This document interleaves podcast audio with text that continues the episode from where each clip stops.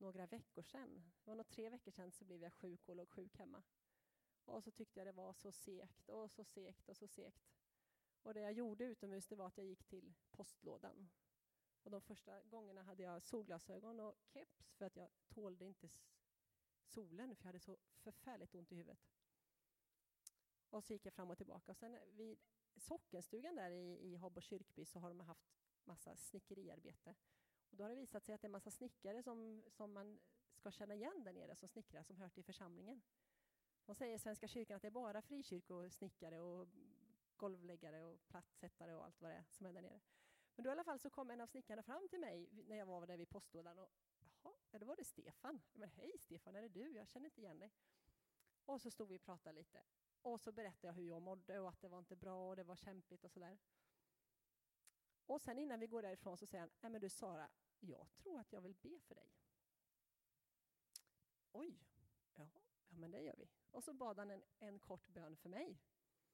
Och jag kan inte säga att jag blev frisk den dagen. Och jag blev inte frisk precis efteråt heller. Men jag mår bra mycket bättre nu i huvudet.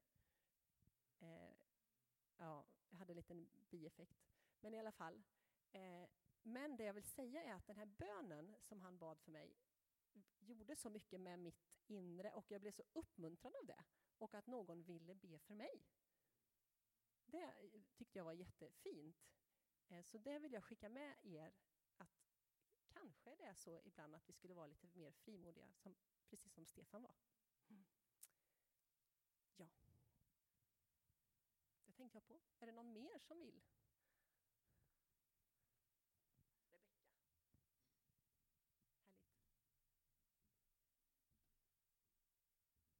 Härligt. Jag hade inte tänkt dela någonting och jag visste inte ens att det var vittnesbördsgudstjänst.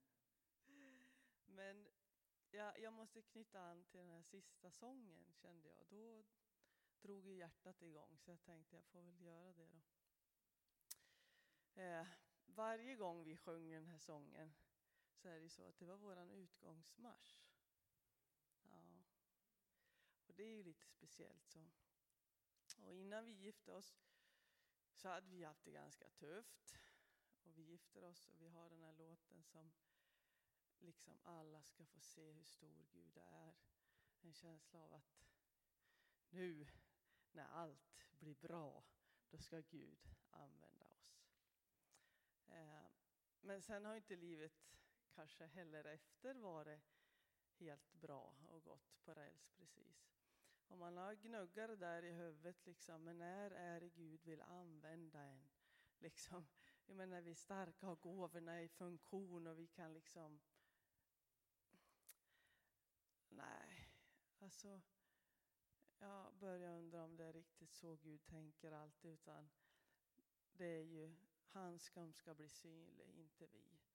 Och då kanske vi är superynkliga, känner att vi har ingenting att ge. Eh, hans mål är ju inte att göra oss stora och bli synliga. Hans mål är ju att han ska bli synlig. Eh, och så stor är vår Gud att alla ska få se alltså hur stor Gud är.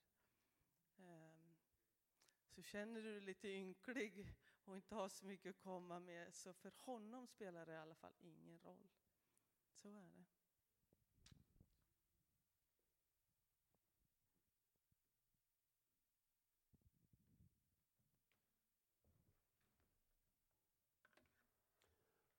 Var frimodig, jag lämnar öppet här. Vi kan gärna lyssna till flera hälsningar på en gång, det går så bra. Är det någon som känner att jag vill tacka Gud så får man... Förr i tiden, jag är uppvuxen i lite mindre församling strax utanför Linköping. Jag är uppvuxen hos mina föräldrar, inte i kyrkan, men missförstå mig nu inte. Eh, jag är inte som han eh, Samuelsson de lämnade när mamman bad om en son och så fick de en son som tack till Gud så lämnade de bort honom så han bodde med prästen Eli i templet hela tiden. Nej, Jag bodde med mina föräldrar, men i kyrkan så eh, där var det vanligt med fri bön. Alltså någon jag vet någon gång under min tid på Fonus så predikade jag ibland det. Alltså inte på Fonus i församlingen och då dök det upp ett par kollegor en söndag. Och de, var, de var inte så jättevana vid frikyrkokulturen så att efteråt, några dagar sedan senare, så säger en kvinna Men vad gjorde han? Han ställde sig upp och bara pratade mitt i mötet. Ja, det var en broder som ledde bön där. Eh, vi som har varit med om det vi har varit med så känner du att jag vill tacka Gud så får du göra det i bänken när det kommer fram, eller delat ord. Varsågod Lisa.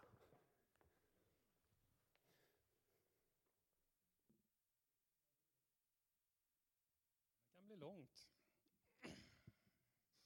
Jag tänkte så här att, för det här har jag funderat på ett tag och det kan ju passa idag då. Eh, vilka är mina tre favoritunder i Bibeln?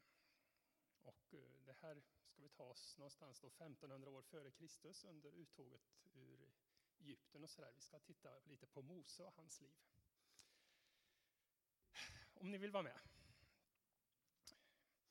Och då tänker jag så här att, ja men vilka var de här killarna liksom som eh, lämnade Egypten här? De, de var ju några stycken. Vet ni hur många det var? Nu, ni ska vara med nu alltså.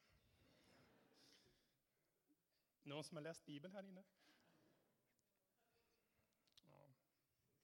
600 000, bra Erik. Okej, okay. männen, precis, männen då. Och då har vi ju kvinnorna. Ungefär lika många kan man ju misstänka. Och så barnen då. Ja, ja. ja 600 000 gånger 4, 2,5 miljon kanske. 3 miljoner säger en del, lite färre. Och så har vi kossorna då och getterna och allt det där de skulle offra. Jag tänker mig att det var ett ganska stort sällskap ändå som gav sig iväg där. Och då tänkte jag här att vi ska ta och läsa en av vår tids kanske viktigaste skrifter, eh, Wikipedia. Och där står det om uttåget i Egypten då att eh, det var nog ganska osannolikt att det var så många. Det var nog inte 600 000 utan kanske snarare 600 familjer. Eh, och tittar man liksom då på att hur ska man försörja de här människorna som liksom går genom eh, öknen där i 40 år. Eh, hur ska det gå till? ja, vi vet ju att Gud fixade det här med manna och så. Att det är ett ganska stort under egentligen. För att, för att få de här 2,5 miljoner människorna från Egypten till Israel under 40 år, liksom ett folk som är på vandring, som inte odlar någonting och inte har mat, så inser ni att det här är ett jätteunder. Där. Ehm. Och liksom tänker man då 2,5 miljoner människor, hur mycket är det? Ja, skulle vi ställa upp dem på ett led liksom härifrån till eh, Stockholm eller från eh, så är det 35 mil ungefär. Från eh, Egypten till Israel så är det kanske 70 mil. Så fram och tillbaka till Stockholm. Vi pratar alltså ett led, om vi ställer alla liksom efter varandra, så fem man i bredd så kanske det är ungefär liksom, ja, då skulle man nå hela vägen till Stockholm och, eller tillbaka. så. Det är, det är liksom ofantliga mängder.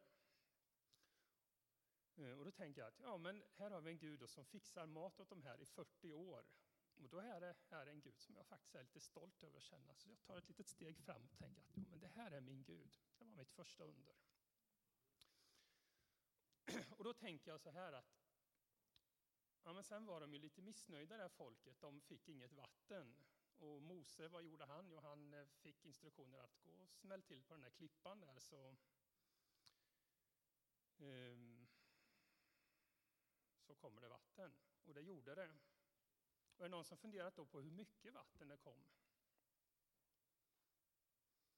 Jag vet inte hur mycket dricker en människa om dagen? Jag behöver räkna lite här. Nu är det meningen att ni ska vara med igen.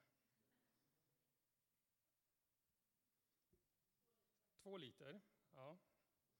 Då säger vi att 3 miljoner för att göra det lätt för oss, gånger 2. 6 miljoner liter vatten om dagen. Delat på 24 timmar. Så är vi uppe i 250 kubikmeter i timmen. Delat på 3600 sekunder i timmen. Så är vi uppe i 70 liter i sekunden.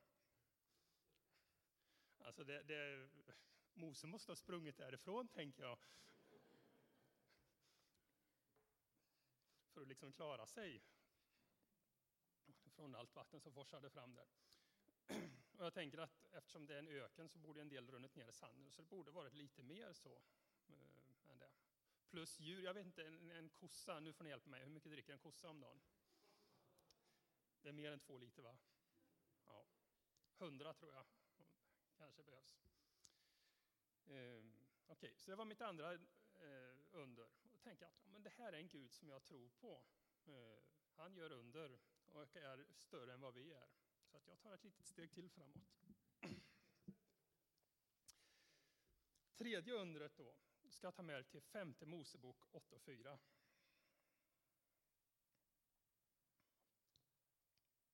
Så vi se om jag hittar min bibel. Den laddar. Alltså så den tycker jag om bibelappen. Nej, det har vi inte riktigt tid för nu.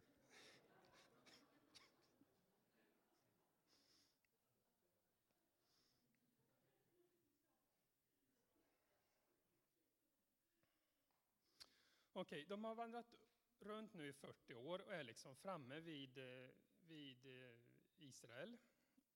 Och eh, det stycke jag ska citera nu står med tre gånger i Bibeln. Så att eh, någonstans så har den väl lite, ändå liksom lite, lite tyngd, tänker jag, att det här är ett viktigt sammanhang. Eh, de har vandrat i 40 år och ehm, eh, jag tror att sammanhanget här är att de är lite missnöjda ändå. Liksom, och då säger säger, pratar Gud, liksom, men vad är det jag har gjort för er? då står det så här att på dessa 40 år blev dina kläder aldrig utslitna och dina fötter svullnade inte. Okej, okay, här har vi några då som, har, som har gått runt i 40 år och fötterna är inte svullna. Kläderna är inte utslitna. Eh, man kan liksom tänka sig här liksom intervjun med Mose, här, men de där skorna du har på dig nu, var köpte du dem? Ja, det var tax, taxfree-butiken i, i, i, vid Sävhavet där, precis innan vi skulle lämna. Okej, ja, men de ser ju alldeles nya ut. Ja, de är, de är bra. Egyptisk kvalitet, bästa lädret som finns. Ja, det är den guden jag tror på. Ta ett litet steg till framåt. Och jag tänker att men den här guden som vi tror på, det är en gud som gör under. Eh, och som bryr sig om. Man kan liksom se den här omsorgen som Gud visar om sitt folk, om oss.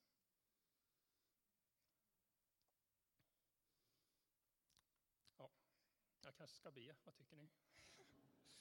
Jag är klar nu alltså. Det här var tre under va?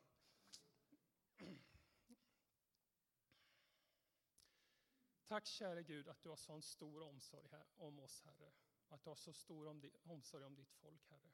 Att du bryr, oss, bryr dig om oss i varje situation Herre. Du ser oss när vi har det svårt Herre.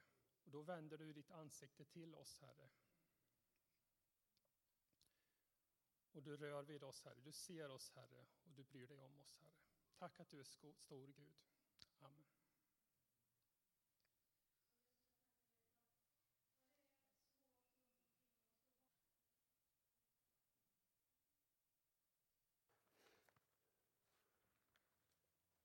Jesus säger evangelierna, och då är jag faktiskt mest i en gammal översättning, 1917. Det står var vid gott mod.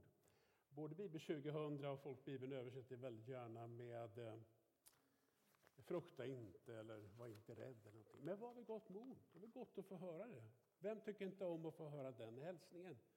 Oavsett coronavirus eller inte, var vid gott mod, säger Jesus. I vår församling Hagakyrkan, eller Guds församling, den församlingen. Här, vi har det här årstemat, Mod för ny tid. Och det kommer ni att höra. Liksom, det har inte ens gått ett halvår än. Tre kvarts år har det gått snart. Ni kommer få höra det här av och till under det här året. Mod för en ny tid. För flera år sedan så satt Ann-Marie och jag i en slottspark, det var tidigt 90-tal, uppe i Finspång. Vet ni var det ligger? Ja, jag är skötte så jag kan ju det där. Va? Nu är jag från centrum där, Linköping. Nu skulle Norrköpingsbo protestera, men det är lite rivalitet mellan de här båda städerna. Finspång är norra länsdelen. Där satt vi och lyssnade på Kristina från Duvemåla, den här alltså, musikaluppsättningen. Benny Andersson och Björn Ulvaeus. Och det var Helen Sjöholm och det var Peter Jöback och allt vad de hette som sjöng. Och ni vet ju det här med Karl-Oskar och Kristina från Duvemåla. Karl-Oskars bror, jag tror han heter Robert, stämmer det? Ni som kan det här. Eh, de ger sig iväg på en resa på andra sidan Atlanten. Till det där förlovade landet Amerika. När det var fattigdom och umbäranden här, då tänkte man sig lycka där. Där skulle man hitta en jordbit och odla. Karl-Oskars bror han ger sig iväg istället och ska leta guld och gräva guld eller vaska guld. Men där borta kom han ju på det här till slut, det som blev till en sång. När guldet blev till sand. Ibland blev det inte guld som man hade hoppats på. Det blev till sand. Det fanns en man i Bibeln som hette Sackaios, eller Sackeus. Han hade guld. Han hade rätt mycket pengar. Och inte ärligt förtjänt pengar alla gånger. På något vis, trots allt guld, så blev det egentligen symboliskt till sant för honom också. Varför då? Ja, han fick inga vänner längre. För orden jag, mig, min och mitt var liksom i hela hans föreställningsvärld. Och vem orkar umgås med den som är sig själv nog? Så vännerna lämnade honom, så satt han där med allt guld som till slut blev till sand för honom. Nu berättar ju storyn att han ångrar sig och han släppte in Jesus i sitt hem och inte bara där utan i hela sitt liv. Och han skänkte och delade ut, ut allt det där han hade. Du vet, man kan ha hur mycket som helst utav det materiellt goda, av guldet, i symbolisk bemärkelse och ändå känna att jag liksom har inte greppet om det här. Varför säger jag det här? Jo, jag tycker att vi har ett antal dagar och veckor då man upplever att vi i Sverige, eller hela västerlandet, Västeuropa, Nordamerika, vissa är vana att liksom hantera, bemästra livet och tycka att vi grejar det här. Helt plötsligt står vi med känslor av vanmakt, av maktlöshet, av Liksom, vi förstår inte riktigt vad vi ska göra. Vi är vana att trycka på den knappen, då kvitterar vi ut det resultatet och så blir det ju inte som vi har tänkt och drömt om riktigt. Faktum är, oavsett coronavirus eller någonting elände i världen, så är det en myt att tro att vi människor bemästrar livet. Det finns bara en som gör. Det är till syvende Gud. Gud, står det i Bibeln, han är herre över både liv och död. Förra söndagen nämnde jag ett böneämne, jag kan bara säga det. Jag bad att vi skulle be för en person. I tisdags fick den här personen sluta sina, sin jordeliv. Det var ingen som bor här, det var en fru till en för detta arbetskamrat till min fru. Eh, han, förskollärare som min fru har varit, bekännande kristen. Och bönen var, vi ber att hon ska få uppleva frälsningens under. Nu fanns det indikationer, min fru har varit i kontakt med enkomannen, som säger att hon kom dit. Och hon liksom gav uttryck för det ändå. Jesus, eller Gud, Fader, är Herre över liv och död. över Jesus Kristus, men han har övervunnit döden faktiskt. Vi tror att vi bemästrar livet, men och när vi inte gör det vet vi inte hur vi ska hantera situationen riktigt. Då. Då tänker jag så här, vad är det som händer i världen? Och då tänker jag lite, inte på coronaviruset utan lite andra rapporter. Jag har tidningen Världen idag. Eh, och det har säkert stått i Dagen också om det här. Och det har stått för en tid sedan tillbaka om otrolig väckelse i Brasilien på vissa orter. Känner ni igen det här? Hur man på idrottsarenor har möten, kampanjer och massor av människor blir frälsta. Man jämför det här med konserter som inte alls med kända artister som U2 och, och allt, allt, allt, eh, eh, allt de här stora då, och idrottsevenemang som inte ens samlar så mycket folk som de här möteskampanjerna har gjort nu. Det händer i Brasilien. Och samtidigt så hör vi rapporter, har gjort en tid, hur det har varit i Hongkong med unga människor för att Hongkong har på något vis lämnats in mer i Kina som då ändå är en enpartistat och jag skulle säga en diktatur till syvende och sist, om det är världens största kommersiella land, eller på att säga, eh, med produktion. Men det är, blåser snålt omkring den som är oliktänkande, speciellt kristna människor. Hur unga där i alla kategorier protesterar och vill ha ett annat, eh, annat liv av frihet. Vi har också hört rapporter tidigare hur det är i Teheran, Iran.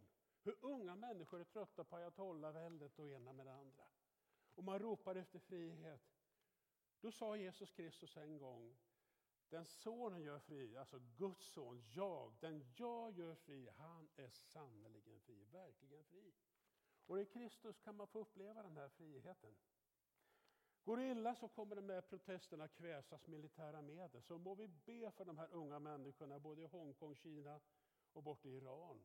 Att Gud får sin hand med dem. Det jag vill ha sagt är, oavsett oro för några virus, så låt oss se det Gud gör i Brasilien och på många andra orter när människor blir frälsta. För det som händer i Brasilien, det kan hända i Hongkong i Kina, det kan hända i Iran och det kan faktiskt hända här i Sverige idag och här i Habo. Vi ser människor, du kanske märker också din bekantskapskrets att vi är vana att sköta våra liv. Men på något vis står man där med den här vanmakten och någon säger be för mig, be för min familj. Jag tror det vi bönevägen ropar till vår Herre att Gud ska gripa in och göra under. Så kommer vi se det här på gräsrotsnivå även här i Habo, att människor får lära känna Gud. Och du nu som längtar, för nu ska vi sjunga lovsång igen och tillbe. Så får du tillfälle. Det finns åtminstone tre förebedjare. De ber inte med handpåläggning. Men de finns där och ber för dig, du som vill ha förbön. Du som längtar, jag vill vara liksom en länk. Vi har pratat mycket om vittnesbörden då, idag. Du som känner, jag vill vara den här som berättar om Jesus för människor. Med ett ord, med en handling. Det gör du säkert redan, men vill komma i en ny fas i ditt privatliv, ditt yrkesliv. Du som ber nu, du som liksom har satt åsido och inte får gå och jobba. Men som ber och vill be med din arbetsgivare att det här ska gå vägen. Idag har du utlyst med bönedag om att det coronaviruset, covid-19, ska lämna i Jesu namn. Så låt oss ta med det i vår förbön. Du som vill ha förbön för något annat i kropp eller själ. Du som vill ha en välsignelsebön. Om du är här som inte känner Herren så kan du också bli frälst den här stunden. Så låt oss lovsjunga tillbe och så får ni söka till böneplats i förebedjare, ni tänder ett bönens ljus eller böjer knä vid knäfallet. Så varsågoda.